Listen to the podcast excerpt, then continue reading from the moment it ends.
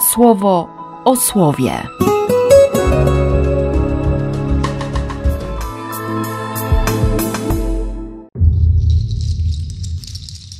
5 lutego, sobota. Salomon jeszcze młody, ale już, ale już wchodzi między dorosłych. Pierwsze decyzje polityczne całkiem udane. Co prawda jeszcze nie dokończył ani budowy pałacu, ani budowy świątyni, ani budowy murów wokół Jerozolimy. No i te ofiary. Ofiary kadzidlane, składane na górach. Wyżyna w Gibeonie największa. Można było zabić tysiąc byków. Nie? I Bóg przychodzi do Salomona. Bardzo mnie porusza i, i dzisiaj kilka razy w sumie jakoś tak siedziałem nad tą modlitwą, czy właściwie nad tym dialogiem, nad tą rozmową Boga z Salomonem. Salomon zaczyna od dziękczynienia za to, że, że Bóg jest obecny w historii jego rodziny, że Bóg błogosławił jego ojcu, Dawidowi, i że Dawid był szczery, sprawiedliwy i miał proste serce.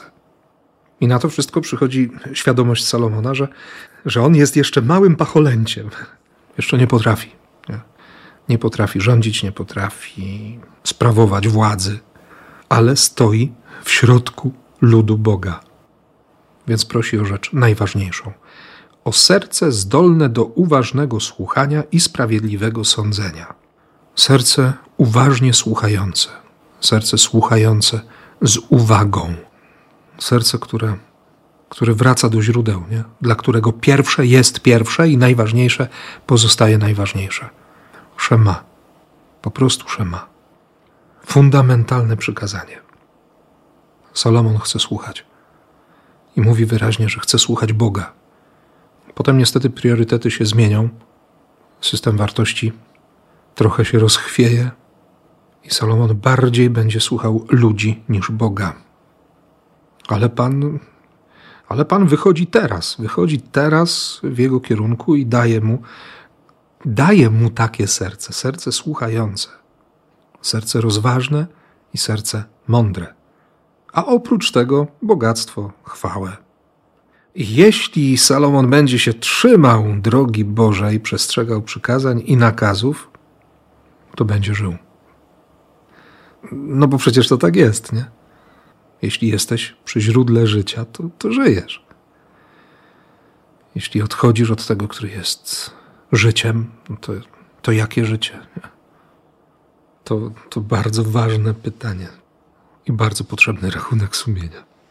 To jest też to pytanie, które jakoś tam Jezus zadaje jakby pod spodem apostołom. Nie? Wracają, chwalą się, jedni przez drugich opowiadają o tych wszystkich sukcesach ewangelizacyjnych, nie? o tym, co się dzieje, kiedy, kiedy mówią imię Jezusa. On słucha a odpowiedzią na to wszystko jest: chodźcie tylko wy sami na jakieś ustronne miejsce, odpocznijcie trochę. Złapcie oddech, zatrzymajcie się, nie?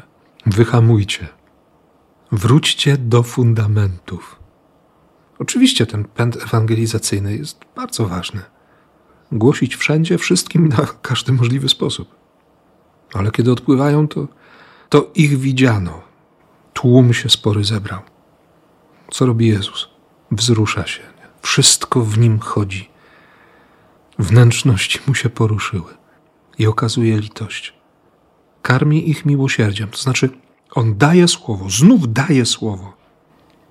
Daje takie słowo, którego dotrzyma. Daje słowo o Ojcu, nie daje słowo o miłości Ojca. Będzie ich karmił.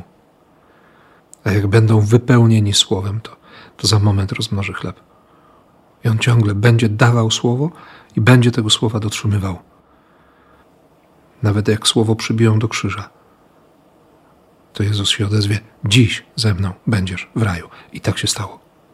Bogu dzięki za słowo i za kościół, w którym to słowo jest bezpieczne. Kościół, w którym mogę się nakarmić słowem i który mnie uczy wierzyć Bogu na słowo. I który nas uczy wierzyć Bogu na słowo.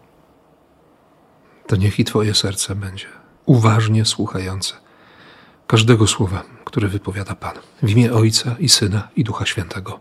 Amen. Słowo o słowie.